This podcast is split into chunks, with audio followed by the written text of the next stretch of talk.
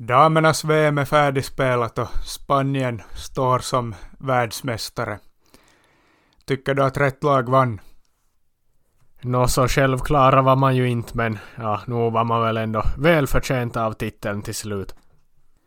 Har du alls hängt med i vad som har hänt i Veikkausliga här de senaste veckorna med det här konstiga spelschema som har varit? Nå nu hänger man väl med på något sätt och jag har ju noterat att SJK har tackat för sig i guldstriden. Och skulle du ha velat vara på plats förra veckan när Porinjas firade 30 år sedan de vann Veikkausligan 1993?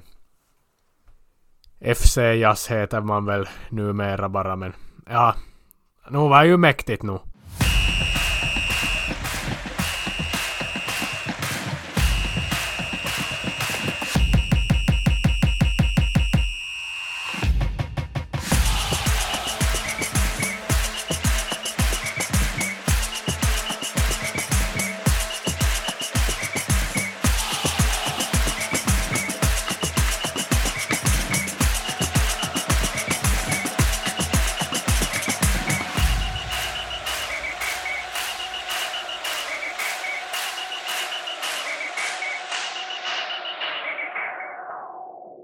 Välkomna till ett nytt avsnitt och ja, som sagt i intron så tog ju damernas VM slut här i helgen och det är några dagar som har gått sedan dess nu. Och Spanien är mästare.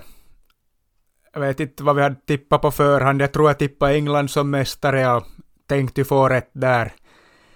Helt rätt blev det inte, men du var ju rätt på ganska mycket du. Du tippade väl att inte USA skulle vinna att en europeisk nation skulle vinna.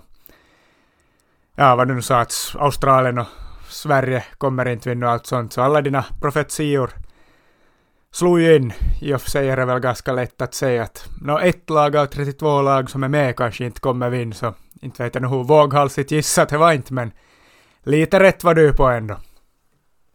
Av dem jag nämnde var väl Spanien, Frankrike och Tyskland Och, Ja, alltså Spanien, nu var man ju bra, nu är man ju som välförtjänta, men nu är det någonting som skaver då man förlorar med 4-0 mot Japan. Inte kan vi ha haft någon världsmästarnation, varken på dam eller herrsidan, som har fallit med så stora siffror i någon match. Inte vad jag kommer på i huvudet rakt av i alla fall.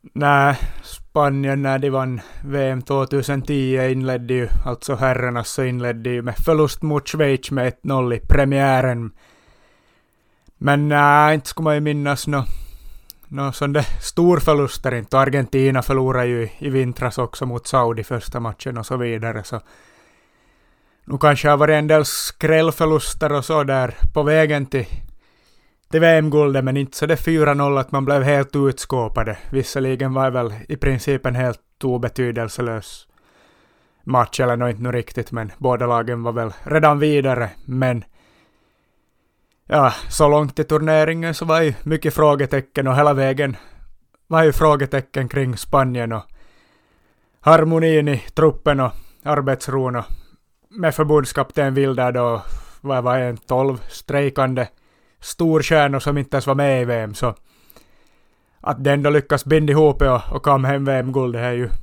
på sitt sätt imponerande och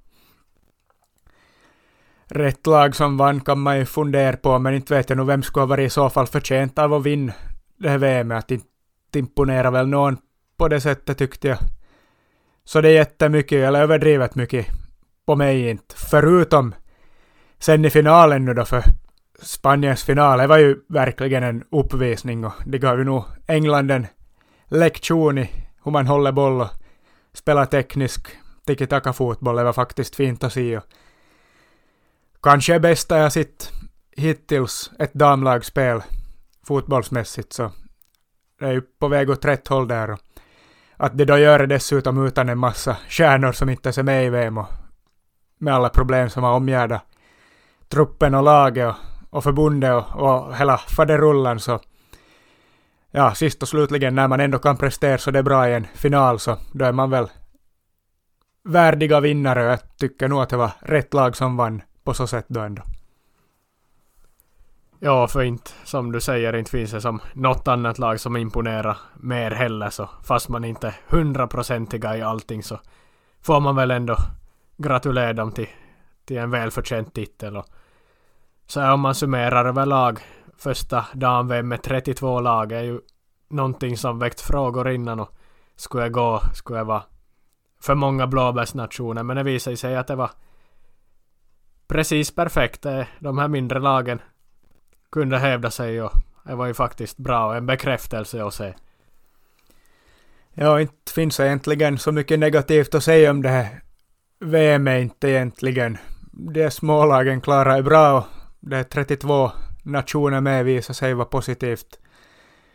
Eller ett lyckat beslut och det blev en fin turnering som bjöd på många fina minnesvärda ögonblick hela vägen fram till finalen här. Och fick avslutas då också med en fin final. Så.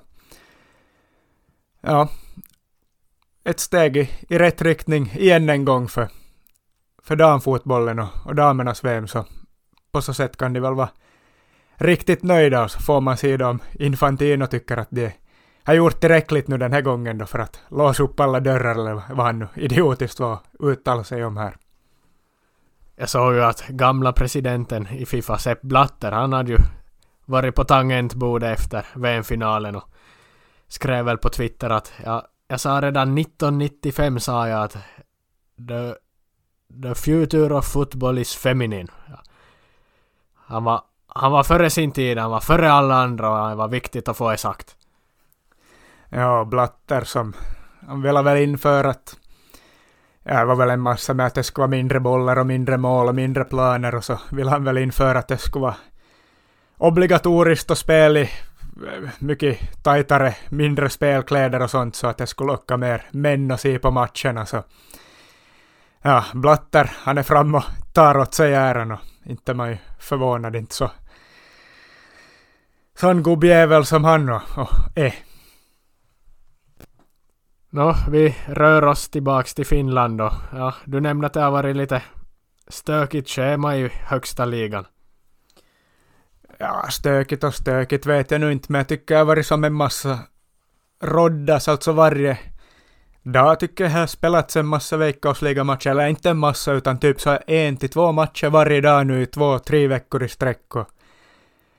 Ja, vad som varit svårt att hänga med i vad som händer då är varje dag nästan en match, men man vet som inte vad är det för omgång och vilka omgångar hör de här matcherna till. Och och när har vem matcher och så vidare. Det blir som en enda röra tycker jag bara när det är matcher varje dag eller en match varje dag nästan som jag har varit nu i, i några veckor. Såklart är det ju bra och kul att det finns möjlighet att kolla på veckosligamatcher varje dag men jag föredrar nog ändå när man packar ihop alla matcher i, i en omgång så blir det som någon tydlighet för det har varit så otydligt nu tycker jag. Eh, ja, roddar till i min skalle åtminstone.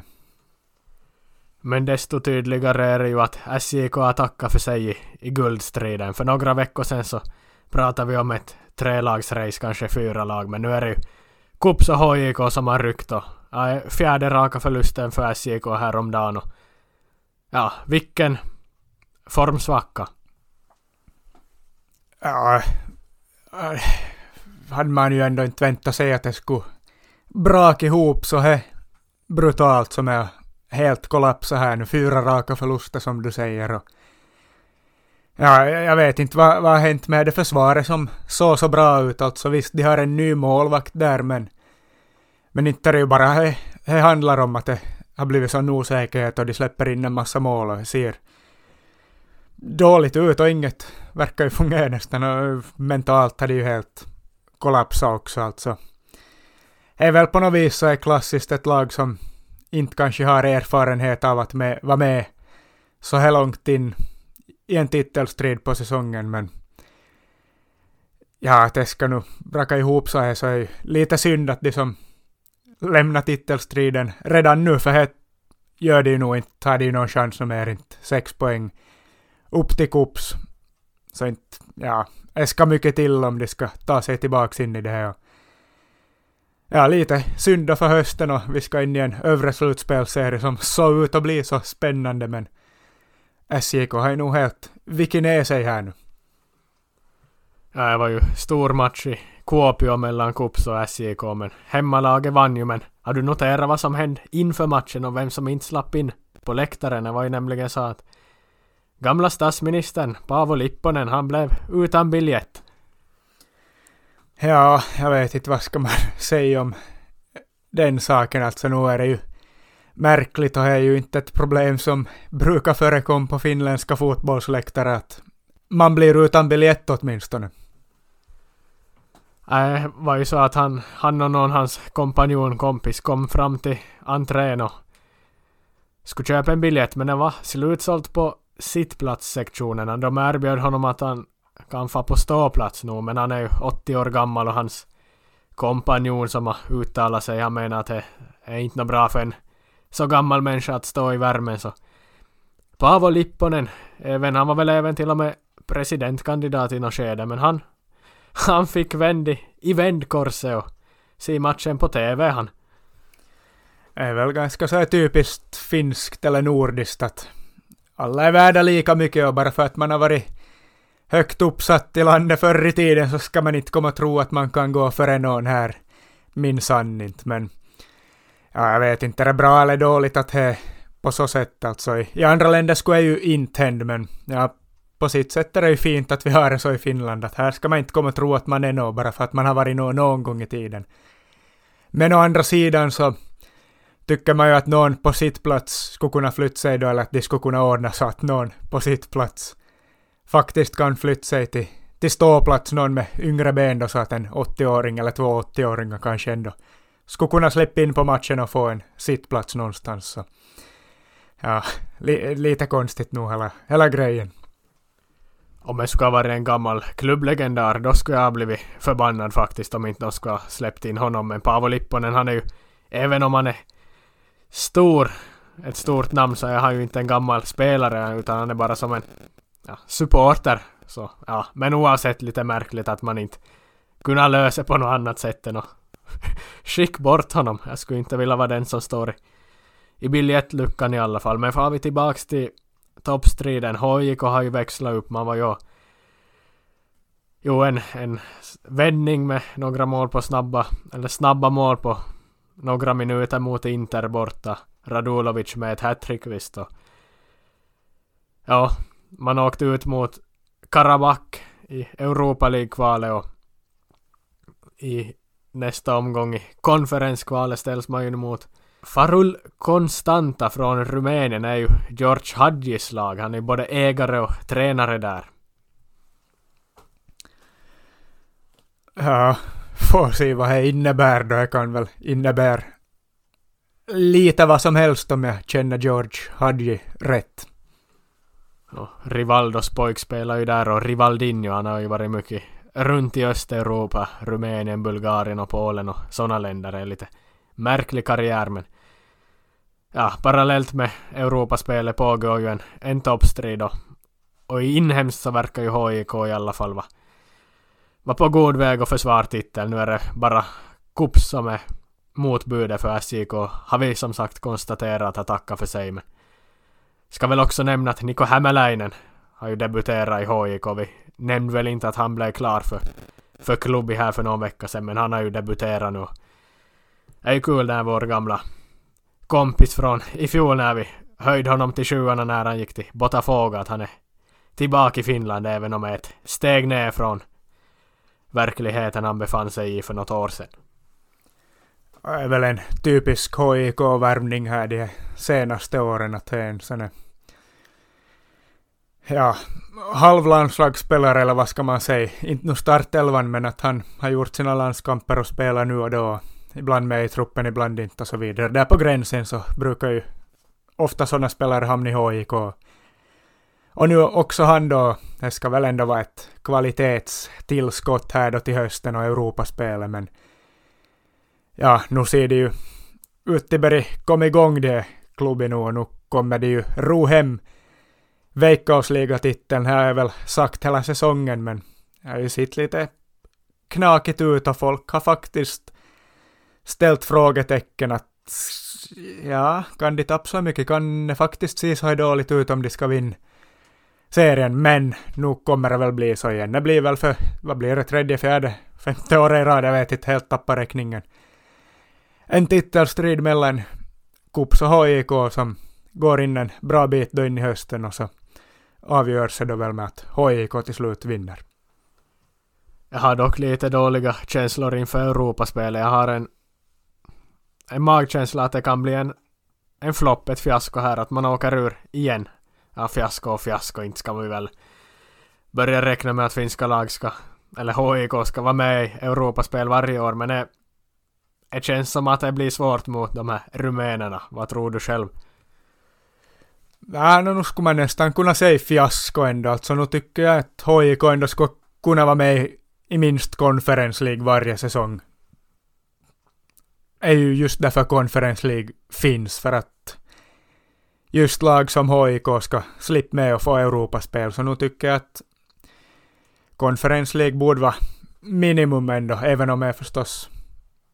Ja, nej, no, inte det är väl megafiasko, men det skulle kunna vara ett krav ändå att alltid ta sig till Conference League från och med nu då, men...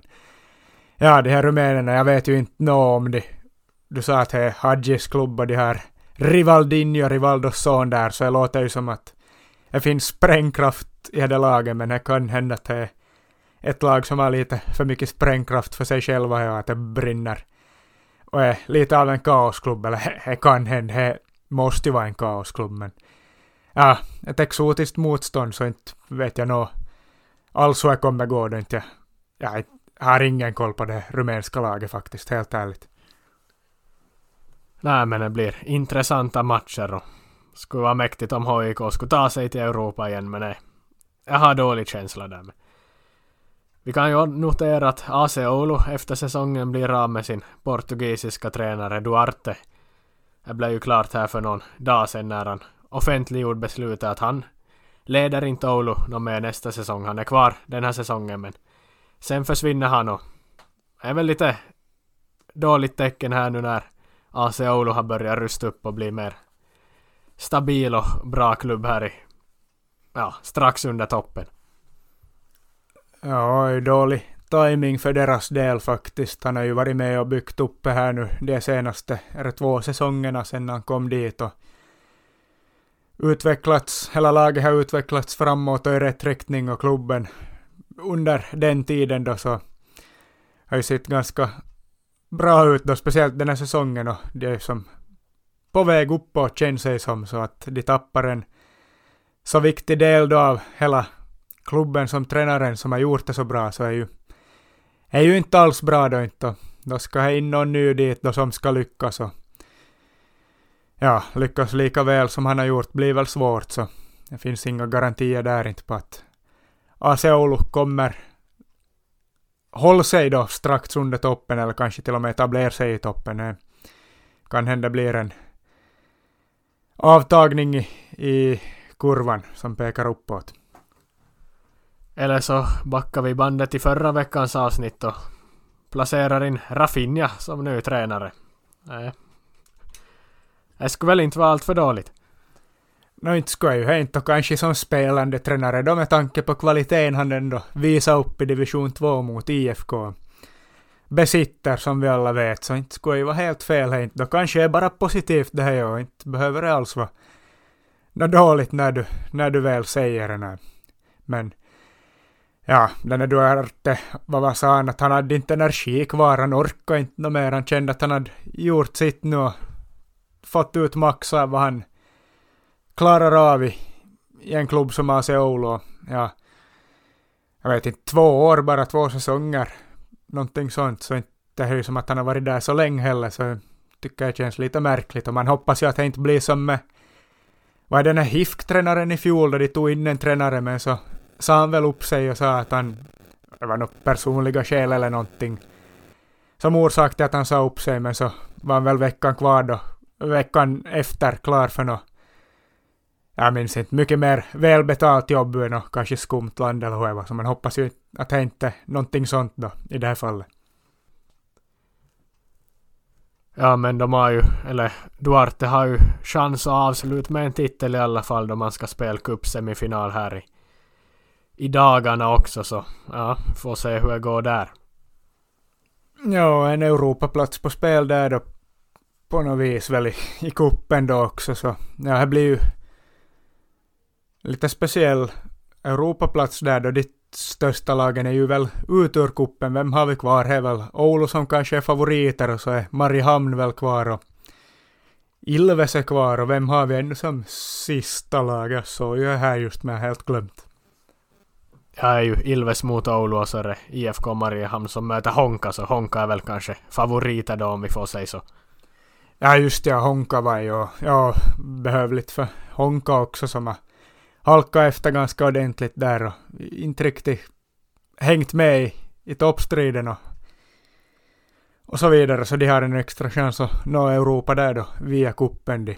Så, ja, no, är väl någon Honka eller AC Oulu då som får ses som favoriter nu. Ja.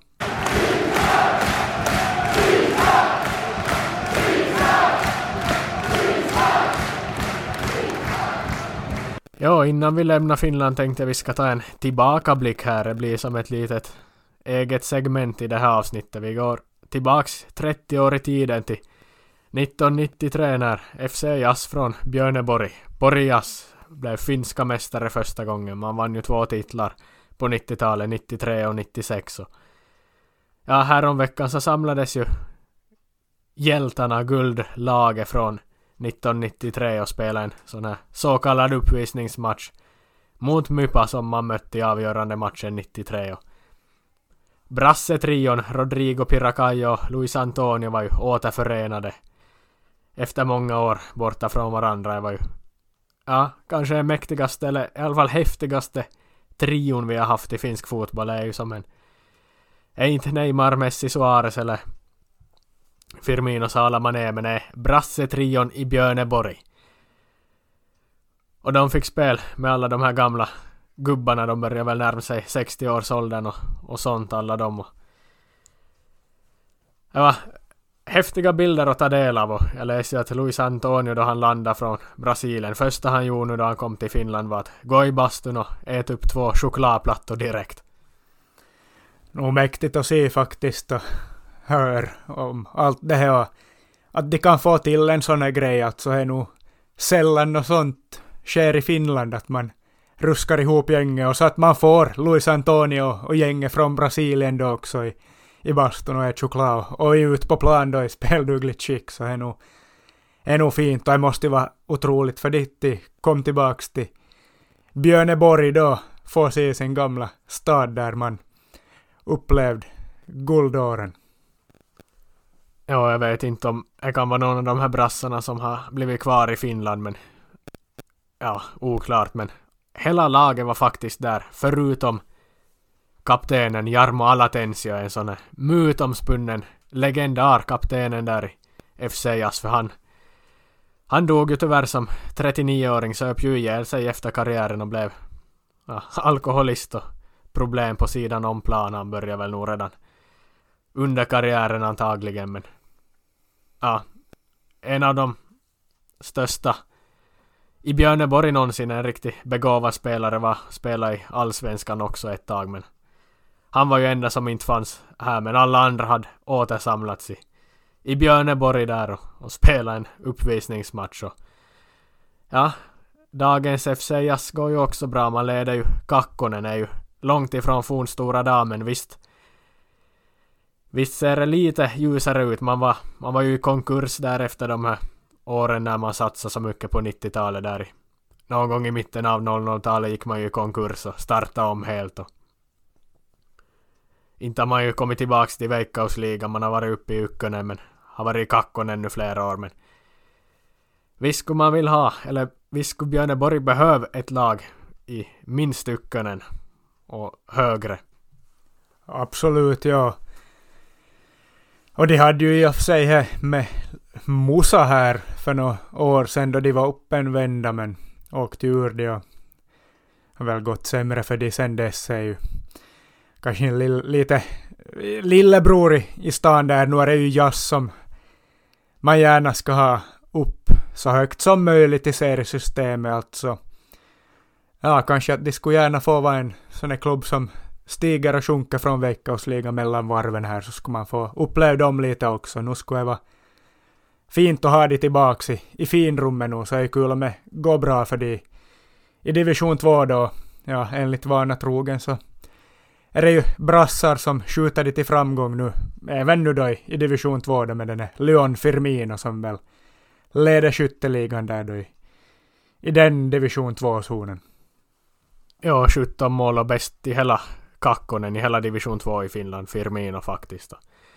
Alltså båda vi är ju för unga för att ha varit med och som sett jazz på 90-talet. Är som såklart så var ju plastigt och så här jazzfestivalen som, som ta, laget har namn av, man hette väl pal, Porin Pallotoverit förr och sånt men stora Burana, sån här märken på, som sponsor på, på ryggarna, man har väl nå numrorna Burana 400 och så var fyran stod på något visst sätt och sen var vanliga numret där som inbakat som att det skulle vara en Burana tablettask men det var väl plastigt där och då men så i efterhand så känns det ju nästan klassiskt. Det är ju som FC Jasse blir väl inte mer 90-tal än så i, i finsk fotboll. Nej, verkligen inte. Det är väl en charmig typ av plast så i efterhand då. Inte Saudi-plast eller Qatar-plast eller Man City-plast eller PSG-plast om man säger så. Inte ens SJK-plast om vi ska sträcka oss så långt. Men ja, med finskt 90-talsmått mått mätt var väl kanske plast, men ja, mäktigt ändå. Så spektakulära grejer och var väl 90-talet överlag en tid då, då sånt kunde vara möjligt. Så ja, lite grämer en att man inte fick vara med och uppleva de tiderna ändå. Ja, och så var ju han Juha Tamminen, sportfotografen som vi har hyllat och ja, som vi uppskattar väldigt mycket. Finlands bästa sportfotograf. Han har ju varit runt i Sydamerika och tagit massa fotbollsbilder och närbilder på Maradona och sånt. Det var ju faktiskt han som ja, vid sidan av fotografi, fotograferande så ja, han fixar ju övergångar till finska lag med sådana latinamerikaner han och är just de här brassarna i Björneborg, Rodrigo Piracaya och Luis Antonio, Fanns väl någon Marco Dionisio eller vad de nu hette. är ju han som faktiskt var med och, och tog dem till Finland och 30 år senare är det ju också han som är på plats och fotar återförenandet när man firar guldet från 93. Det är nog smått otroligt. Det är väl sånt som kanske var möjligt på den tiden som kanske inte på samma sätt är möjligt i nutiden men ja, mäktiga historier och överlag, alltså jag blev nog glad att se det här återföreningen och speciellt att, så, att de fick dit alla spelare utom en då som inte kunde vara där i och med att han inte lever något mer. Så berättar ju ändå om att de, ja, de verkar ju ha trivts med varann då. Och verkar ju av bilderna och klippen som man såg att döma att trivas minst lika bra ännu idag när de träffas eh, 30 år senare. Så ja, eh, en glädjande grej det här hela 30-årsjubileumet. Ja, faktiskt fint med brassar som hittar varandra i någon mindre finsk stad. Och innan vi lämnar jazz kan vi ju ännu nämna den här anekdoten från när de var 2001 eller någonting när man kvalade till det var ju Intertoto-cupen, man hade blivit kanske tredje eller fjärde i ligan eller någonting via kuppen kommit fram till Inter-Toto-kval. Då kvalade man mot PSG, Paris Saint-Germain. Det var inte PSG som är idag, men det fanns ju fortfarande, eller även då fanns det stjärnor där. Vi hade ju Ronaldinho, JJ och Kocha och Anelka var med i den här matchen. Och några till. Och när de var i Björneborg så kunde de gå runt i, i stan där på kvällen och det var Okocha och Anelka som några kom och fotograferade och märkte att ja, här är ju Okocha som har varit med i VM 98 och Anelka känner väl några igen men Ronaldinho, det sägs att den här gången var i Björneborg var sista gången Ronaldinho fick gå ostört runt ja, någonstans i världen för Ronaldinho hade inte riktigt slått igenom så stort så att alla visste vem han var så han han fick gå ostört där och han hade väl nå kontakt med någon av de här brassarna i Björneborg. Det fanns ju andra brassar än de här vi har nämnt också som han hade hängt med någon sån på stan där på kvällen och gått ut och ätit och så. Lär Ronaldinho också som tyckte det var häftigt när han gick in i en butik och köpt choklad och också att han kunde spela på maskiner, alltså spelmaskiner, Pelikone, som tydligen inte finns i så många andra ställen i världen, bara i sådana vanliga matbutiker. Så Ronaldinho lär ju ha varit helt fascinerad och hållit på spel på maskiner där i Björneborg. ja, ni vet ju, är ju mansikka tupplapotti eller tähti eller något sånt som han har Ja, han hade ju nog pengar än på den tiden men han har ju kunnat leka med dem lite då också. Ronaldinho på Pelikone i Björneborg måste ju nog ha varit en syn att beskåda men tydligen ja, fick han vara för sig själv då. Inte man väl förvånad att en av världens häftigaste fotbollsspelare genom tiderna ändå fick vara för sig själv i, i Finland inte för, ja. Inte vi hade potkupallomaa som folk brukar prata om att vi är och speciellt kanske inte 2001 då inte men ja, otrolig story måste man ändå säga.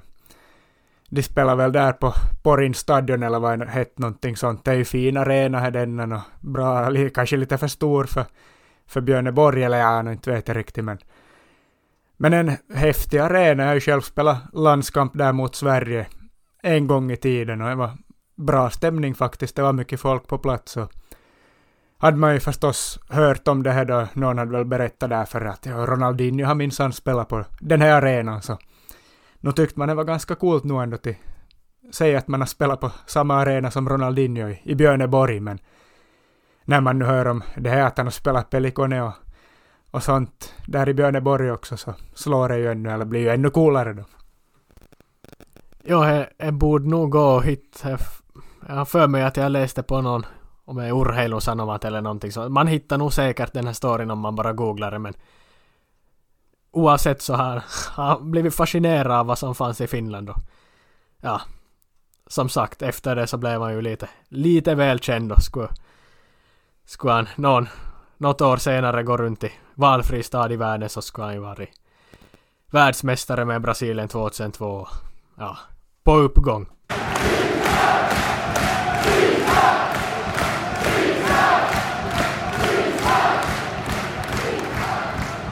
Nåja, men nog om jazz och Ronaldinho i, i Björneborg. Vi ska vidare till ett annat land där Ronaldinho visserligen har satt sin fot, men där fick han nog knappast gå en sekund ostört på gatorna.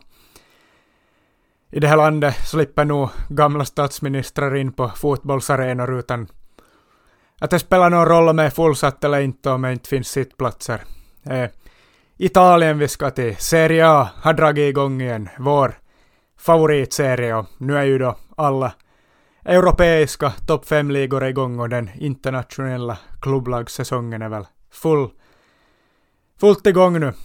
Inget snack om saken men ja, som sagt, Serie A, vår favoritserie. Vad har du för tankar inför säsongen? Vem vinner? Vem åker ur? Vilka lagspelare fans, presidenter ska man hålla koll på eller hålla ögonen på. Va? Vad tänker du så om vi tänker nu säger Serie A 2023-24. Ja, det är ju kul att den vackraste fotbollen är tillbaka så det är väl inte enbart Serie A utan är ju också Serie B-fantast så vi har ju fokus också längre ner i systemet men det är kul när när, ja, den vackra fotbollen med de vackraste färgerna, de vackraste tröjorna, de vackraste läktarsångerna och inmarscherna, spelarnamnen är tillbaka och ja, är ju nog kul och är ju faktiskt en oviss säsong. Jag var här i fjol också men nu är det nästan ännu mer ovisst och är ju ingen som är så här given favorit alltså. Napoli var ju helt överlägsna i fjol men att man ska kunna vinna två i rad känns ju som svårt men man har ju fått behålla både Osimhen och Kvaratskhelia. Man har bara sålt Kim till Bayern München men jag har ju tippat att Inter vinner. Eh, de har kanske bäst bredd på truppen. Man kan eh, bredda ytterligare men jag tycker de har kanske bäst lag. Och jag säger inte för att jag inte tror att Napoli kan återupprepa men jag tror att Napoli blir tvåa och sen har jag väl lämnat Juventus och Milan och Lazio där bakom. Äh, jag tror faktiskt att jag har exakt samma i samma ordning där. Inter, Napoli, Juventus som 1, 2, 3. ja, Inter, det, det känns ju starkast utan att för den sakens skull nu kanske vara som starkare, eller överdrivet mycket starkare eller bättre än någon annan och saker och ting ska ju gå rätt och så vidare och är mycket frågetecken där också. Så inte det på något sätt några självklara favoriter, men eh, ja, det känns som som är tryggaste valet att, att tippa att kommer ta scudetton, så jag är in på samma spår där också. Sen Napoli känns väl som att de kanske har bästa högsta höjden, men ja, de har tappat Kim till Bayern München, men framförallt har de ju tappat sin tränare Spalletti och ska börja om med en ny tränare Garcia, så ja, att lyckas på nytt då efter en så historisk triumf och en så galen fjolårssäsong som de lyckades med, med ny tränare och motivera spelarna på nytt och allt möjligt vad de har för utmaningar så det blir nog svårt att se att de faktiskt ska få och stäm på samma sätt som i fjol, även om de kommer säkert vara jättebra. För de har jättebra spelare och de har massor med individer som kan vinna matcher på egen hand det också, men sist och slutligen tror jag ändå att Inter vinner, men inte ska jag vara förvånad om Napoli vinner, och inte Juventus heller för den delen, inte ska man räkna bort aldrig Juventus, men ja, det är väl någon av de tre som känns som att kommer ta hemme, kanske. Milan känns väl inte som att de är riktigt där, de har något ja, de har lite ombyggnad på gång och värva flera intressanta unga namn som kan komma att bli bra, men ja, känns inte som att de är riktigt färdiga ännu. Så helt okej okay ut när de vann mot Bologna här i premiären, men ja, inte det riktigt så tunga att de är mästarkandidater. Och sen har vi ju Lazio, Roma, Atalanta, inte vet vi riktigt vad det ska bli av det. Så, ja. Inter, Napoli, Juventus. Det känns som att det är något av de tre. Roma, Lazio, vem slutar före i tabellen tror du? Jag tror ju faktiskt på Lazio jag. Sarri har gjort det bra med det laget sen han kommer. De slutade väl faktiskt andra i fjol till och med. Jag tror inte att de kommer sluta riktigt så högt i år inte, men det känns som att de är på bättre väg. Roma, är det tredje säsongen med Mourinho nu? Vi vet alla hur det brukar bli med Mourinho tredje säsongen. Det brukar vara då det skita sig skulle vara kul om jag inte gör det för en gångs skull. Jag tycker det är kul att Mourinho är i Roma, men ja, han har ju varit gnällig och blir allt gnälligare och gnälligare där ju längre han har varit där känns det som. Och mycket andra frågetecken som behöver rätas ut där så. Ja, jag, jag är mer positiv till Lazio än till Roma, så jag tror Lazio slutar högre. Jo, jag håller med. Jag tror Lazio är... De är ju bättre, har varit bättre än Roma i flera säsonger. Speciellt när de möts internt, men jag tror inte Mourinho är kvar när det blir 2024. Tror du han är kvar efter nyår? Ja, no, i och med att han nu ändå har börjat säsongen här så... Ja, no, i och för sig de börjar med att bara ta 2-2 mot Salernitana fast Belotti gjorde sina första mål här i Roma. För det tog över ett år att göra de målen men... Ja, ja 50-50 om han är kvar till nyår, men jag tror inte han är kvar när nästa säsong börjar om vi säger så. Är det några speciella lag du håller extra koll på i år eller något projekt du följer? Själv har jag ju förutom de här streckstriderna så har jag ju lite extra fokus på, på Torino och Atalanta, två lag jag såg på plats i fjol och två intressant, intressanta projekt brukar väl kanske inte alltid gilla att man pratar om projekt men i de här fallen så är det ju verkligen det och det skulle vara kul om någon skulle få, få utväxlat lite, lite mer, ta någon placering högre. Ja, Torino tycker jag kan bli spännande, men två lag som nu kanske jag har lite extra koll på som jag kommer på så rakt av är Genoa och Lecce.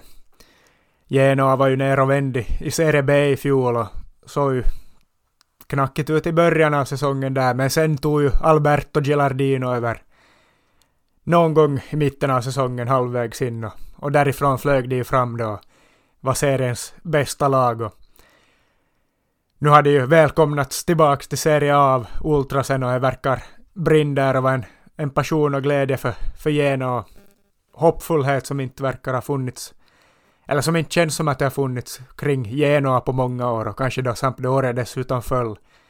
Stadsrivalen så är det som ljusa tider nu på, på gång igen i Genoa.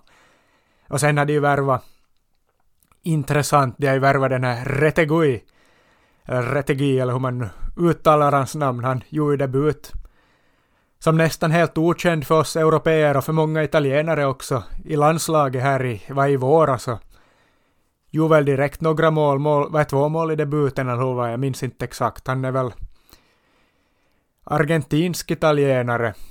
Har väl vuxit upp i, i Argentina och så har han ju spelat sin klubbfotboll här nu senaste åren i Mexiko.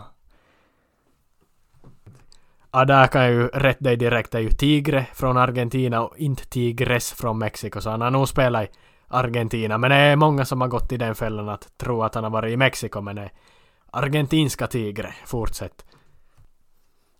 Jaha, tydligen har man gått till en fälla där då. Jag trodde han hade spelat i mexikanska ligan, ja, men det var i argentinska ligan och lite konstigt tyckte man ju kändes ändå att varför skulle han spela i, i mexikanska ligan när han är uppvuxen i Argentina? No, konstigt, konstigt men ja, nå, han har gjort det bra i argentinska ligan då och kom till landslaget och nu han blivit värvad till Genoa då så det blir en ny bekantskap i Serie A redan då landslagsman som gör mål för landslaget. Så en häftig värvning. Och sen har vi ju då Lecce som jag sa, där brinner det ju alltid Syditalien och otroligt bra Ultras. De har ju lite finnar i, i Primavera-truppen som vann Primavera förra säsongen, alltså U19-serien, som är under A-laget. Så lite hoppfull är man ju att någon av de skulle kunna kanske ta steget upp och få göra lite minuter för första laget. Men sen också så har de ju Parmas gamla tränare som tog upp dem till Serie A på min tid där i klubben, Roberto D'Aversa. Som ju är bra med Parma då, tog upp de från de lägre serierna som sagt och sen höll de kvar i Serie A innan de böt tränare där och började gå neråt för Parma och sen återvände han visst till Parma en sväng men då gick det inte lika bra. Men han är i Lecce han nu, han har inte lyckats heller någonstans riktigt sen han lyckades i Parma första vändan. Han har varit i Sampdoria också här emellan. Och, och var han nu har varit, men nu är han i Lecce då, tillbaka i Serie A. En intressant tränare. Han är inte någon sån där tiki-taka offensiv fotbollstränare, utan han är en riktig sån pragmatiker. Parkera bussen eller se till att defensiven funkar och så går de på kontring då med några snabba individer. Och där har de ju några spelare framåt som kan göra själva. Ett annat nyförvärv som är intressant i Serie A och för Lecces del är ju den här Pontus Almqvist från Sverige. Han har faktiskt följt med ganska så det halvnoga ända sedan han var ganska ung. Alltså han, det var ju på den tiden man höll på att kolla på YouTube och allt möjligt sånt. Så han hade väl en egen YouTube-kanal där han som tidigt lagade upp videor om hans vardag och han tillhörde faktiskt det här Nike Academy då Nike hade som en egen fotbollsakademi och erbjöd talangutveckling därigenom, så inte med uttagningar och sånt. Så hade han, han hade sluppit dit han och inte vet jag riktigt vem annat som har varit där, men han var där minns jag. Så följde man med honom sen dess och så vann väl i, i allsvenskan och, och ryska ligan och så vann väl i polska ligan här då, då kriget i Ryssland kom och så nu har han tagit sig till Lecce då. Mål direkt i, i debuten då mot Lazio där de faktiskt vann 2-1 mot Lazio här i, i söndags. Så. Ja, där är nu några orsaker att följa med Lecce och, och vad heter det, Gilardinos Genoa. Bologna är ju också ett annat sånt här så kallat projekt som man inte vet vart det tar vägen. Det har ju gått ganska uppåt och Thiago Motta vid rodret så kan det ju bli ännu, ännu bättre. Får se om man kan ta dem ännu en nivå till, men av finskt intresse kan vi ju notera att Niklas Pyhtiä inte kommer vara i Bologna i år. Han har gått på lån till Ternana i Serie B. Ja, men kan väl vara kanske ett klokt val ändå att få seniorfotboll och komma in i i italienska seniorfotbollen då i, i Serie B och Ternana är ju inte någon stor klubb heller så det borde finnas goda möjligheter för honom att slå sig in i startelvan där. Om vi håller oss kvar i finska intressen och Serie B så Pohjanpalo i, i talande stund fortfarande kvar och med bindeln på armen i många matcher och fokus på rätt ställe verkar det ju som att han kommer vara kvar men man vet inte vi ska ha i beaktande att han kan ännu lämna men just nu ser det ut som att han är koncentrerad på ännu en säsong i Venezia och då om han är kvar tror jag Venezia kan vara ett lag som utmanar om topp fem platser i, i Serie B men om han lämnar så då faller ju faller man ju ner till femtonde plats men Pohjanpalo fortfarande kvar. Och mål direkt i helgen också då de tog en 3-0 seger mot vem det nu var, skulle ha varit Como eller någon. Johan väl 3-0 målet där och med bindeln runt armen och ja, han är väl en av Serie B, hela seriens bästa spelare utan tvekan. Lite av en enmansshow till och med där att han gör så stor skillnad för, för hela laget och hur bra det kommer gå för det den här säsongen och älskad av fansen och stan där redan. Alltså sjukt, det är ju bara ett år sedan han kom dit och han är redan en, en riktig favorit och ett stort namn där. Och han har satt ett stort avtryck där så skulle vara fint om man kan bli kvar då och fortsätta stanna och bygga på, på den historien som man har börjat på det kapitlet och inte tror jag han har något problem med att vara kvar där inte alltså. Han verkar ju nog trivas så han väntar väl bara kanske och klubben väntar ifall det skulle komma ett erbjudande som är för bra för att tacka nej kanske, antingen för klubben eller, eller för Pohjanpalo själv då så. Ja, men som du säger, ja, mycket för Venezias del handlar nog om hur bra Pohjanpalo är och om han är kvar eller inte när transferfönstret stänger. Ja, om vi rör oss till de brittiska öarna då. Ännu en helg med omdiskuterade domslut. Ja, vad säger man? Ska vi... Det finns ju de här programmen i Italien, det är väl något TV-program där de sitter i timtal och bara pratar om domslut. Sådana här program som är ägnade åt, åt bara domarna där det sitter några gamla gubbar och kommenterar domsluten. Det börjar nästan bli så att vi vi drar åt det hållet när vi hela tiden ska måste sitta och, och prata om, om domarna men ja, vad kan man när de håller på så här? I helgen blev ju, ska vi börja med McAllister i Liverpool, han blev utvisad visst han höjd sulan visar lite dobbar men det är ju inget stort våld i situationen och ingen inget ben som är i marken när han träffar och skulle väl ha kunnat bli gult men rött, det var ju helt ja, obegripligt. Helt sjukt faktiskt.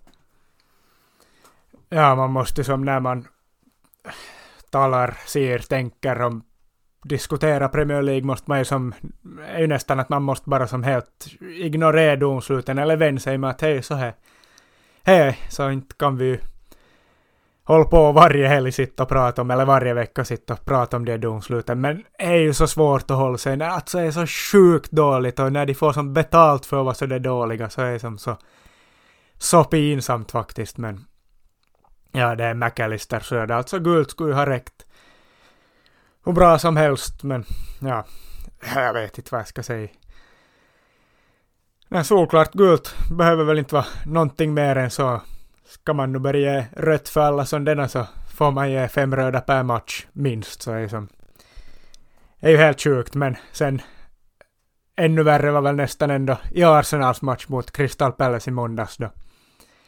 Tommy Ashu fick, ja först fick han gult, första gula väl för att är någon före som ska kasta ett inkast som håller bollen i 15 sekunder innan han kastar Sen hoxar han på att nej hördu, Tommy Asche kom och kast du istället.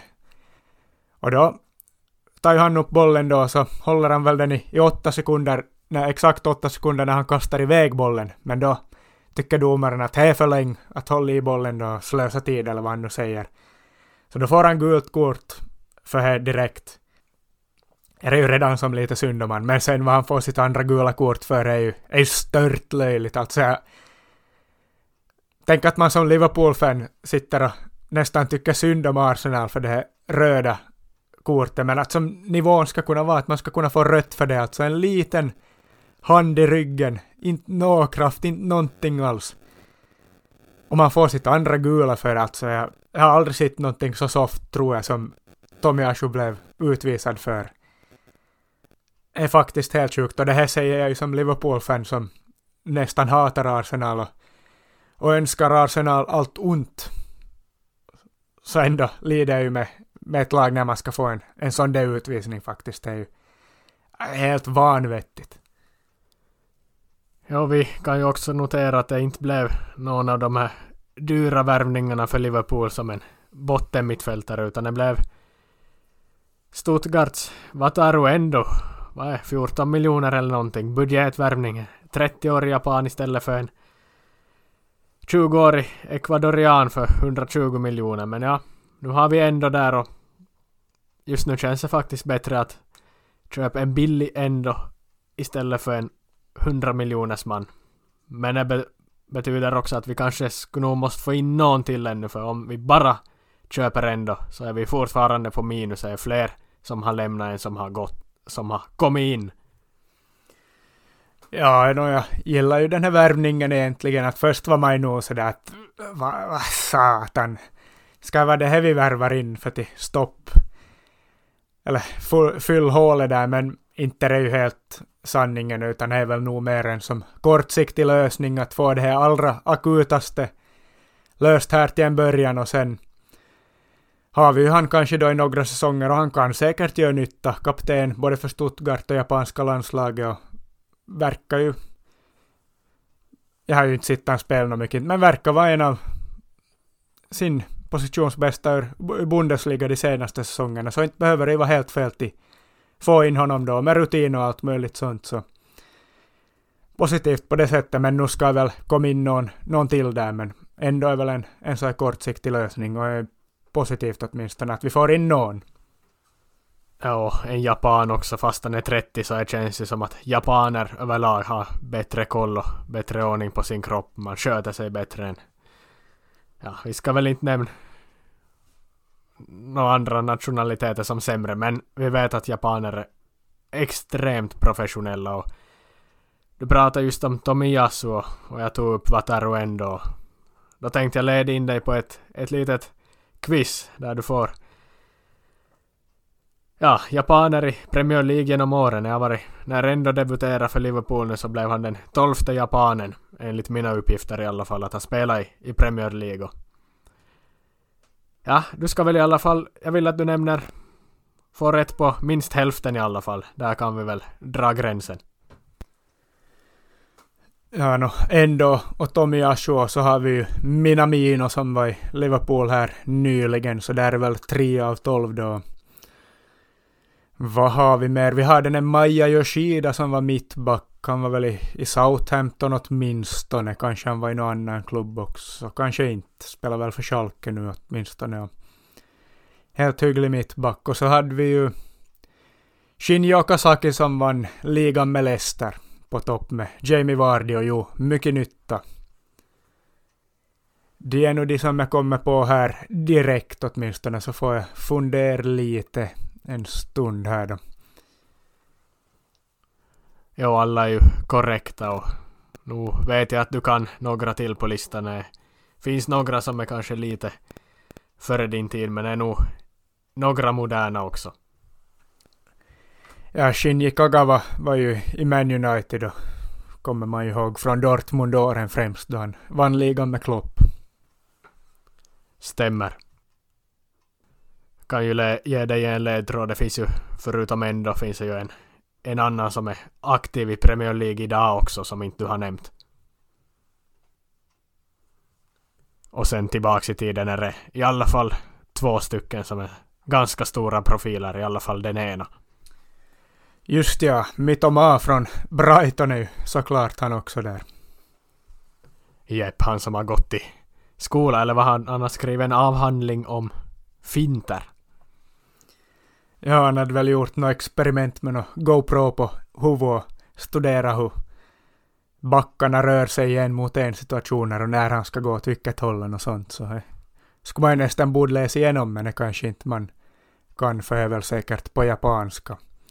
Men vad sa du annat? Det var två legender, eller vad sa du?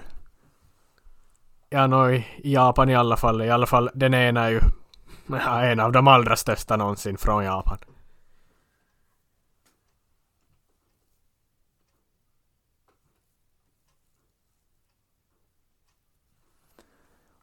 Alltså Nakamura var ju främst i, i Celtic, men kan han ha gjort en vända i Premier League i något skede?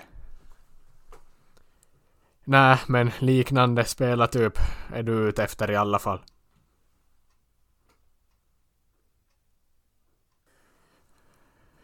Nej, då måste ju vara Nakata, men jag är osäker på var han ska ha varit. Alltså man förknippar ju han främst med Serie A och Parma och, och Roma och så vidare. Men skulle han kunna vara i Bolton han en sväng? Känns som att han är en av alla profiler som har varit i Bolton kanske något halvår eller någon säsong i början av 2000-talet. Jag är ju precis så att Hidetoshi Nakata var i Sam Allardyce Bolton där. Ja, en säsong eller en halv säsong någonting sånt så han är ja, kanske Japans största någonsin. I alla fall en av de största och mest tekniska. Sluta väldigt tidigt också då han skulle... 29-åring eller någonting efter VM 2006 som han... Också att han skulle sluta odla långt skägg och rest runt i världen och... Ja, ja. Jobbar väl mycket med sådana mode och kläder och sånt men... Andra japaner som har spelat i Premier League som inte du kom på det här är sådana... En i Newcastle, Yoshinori Muto 2018 till 20 och så har vi Kazuyuki Toda, Tottenham 2002-3. Ryu Miyachi, han minns man ju var i Arsenal, Bolton, Wigan. Inte kanske så bra som man trodde han skulle bli Men. Och så sist har vi Junichi Inamoto som man minns från främst hemma-VM 2002 men han var faktiskt i... Han tillhörde väl Arsenal men spelade väl bara för Fulham. Ja, Inamoto hann jag inte kom fram till faktiskt. Han hade jag på lager som en gissning, men annars... Ja, var jag väl lite av en annan hylla, men jag tyckte nog att jag klarade väl mig hyfsat ändå och tog det som jag förväntas kunna ta med tanke på vilka år jag har sitt på Premier League och att jag är lite yngre och så vidare än, än dig, så nu får jag väl vara hyfsat nöjd ändå. Ja, det var ju kanske inte svåraste quizet, men ändå ett som man nog ska ta hälften av. Har du så överlag någon favorit Japan genom, genom åren? Jag har ju... Jag gillar ju Nagatomo i alla fall när han var Inter, men... Eh, det finns ju många faktiskt. Ja, det är som alltid svårt på uppstuds, men Minamino alltså. nu blev han någon slags favorit ändå nu. Jag kan ju säga att jag har döpt mitt wifi-modem i Åbo efter Minamino faktiskt. Jag tror jag köpte på samma dag som Liverpool spelade match senare på kvällen då. Så ju, var det så att Minamino gjorde mål i den här matchen då, avgjorde matchen eller någonting sånt så fick jag ju bli att döpa det modemet efter Minamino då när man sen tog itu med ännu senare på kvällen då. Tror jag köpte det wifi-modemet också för att vi skulle kunna starta den här podden någon gång i tiden för vi behöver ett stabilt wifi i lägenheten för att kunna spela in på distans. Så. Ja, kanske mina mina är lite hjälpt ändå till att den här podden existerar överhuvudtaget. Och på tal om japaner ännu, jag noterar ju att Morimoto, han som var i Catania och Novara för tio år sedan, profil, och han är ju tillbaks i ja, på Sicilien i serie D han. Jag minns inte ens vad laget hette, men han, han har ju haft en, en vild karriär och lär vara ja, ganska mycket ja, lite speciell på sidan av plan också. Han, han var ju faktiskt i Paraguay här om året men han blev ju kickad från den klubben efter bara en match när han hade kraschat rattfull med en motorcykel. Men han tillbaks i inte i Serie A eller Serie B utan i Serie D och inte ens i Catania då men på Sicilien tillbaks. Ja, han minns mig förstås. Han var ju nog en favorit där under Catanias tid i Serie A. Eh, saknar man nog Catania i Serie A. Det var, det var så fint och de hade många fina spelare och framförallt hade de fina tröjor och fint märke med en elefant där och gammal boll. Rött och ljusblått randigt så är nog synd att inte vi har Catania i, i Serie A med men de steg väl till Serie C här i förra säsongen i våras från Serie D. Jag hade faktiskt en gammal lagkamrat från Parma-tiden som var med och, och spelade upp det till Serie C, men jag tror han lämnade nu inför säsongen och for någon annanstans. Men där lite om Catania också då. Ja, fina Catania. Men det blir inte något mer den här veckan utan vi återkommer framöver och säger tack för att ni har lyssnat och på återhörande.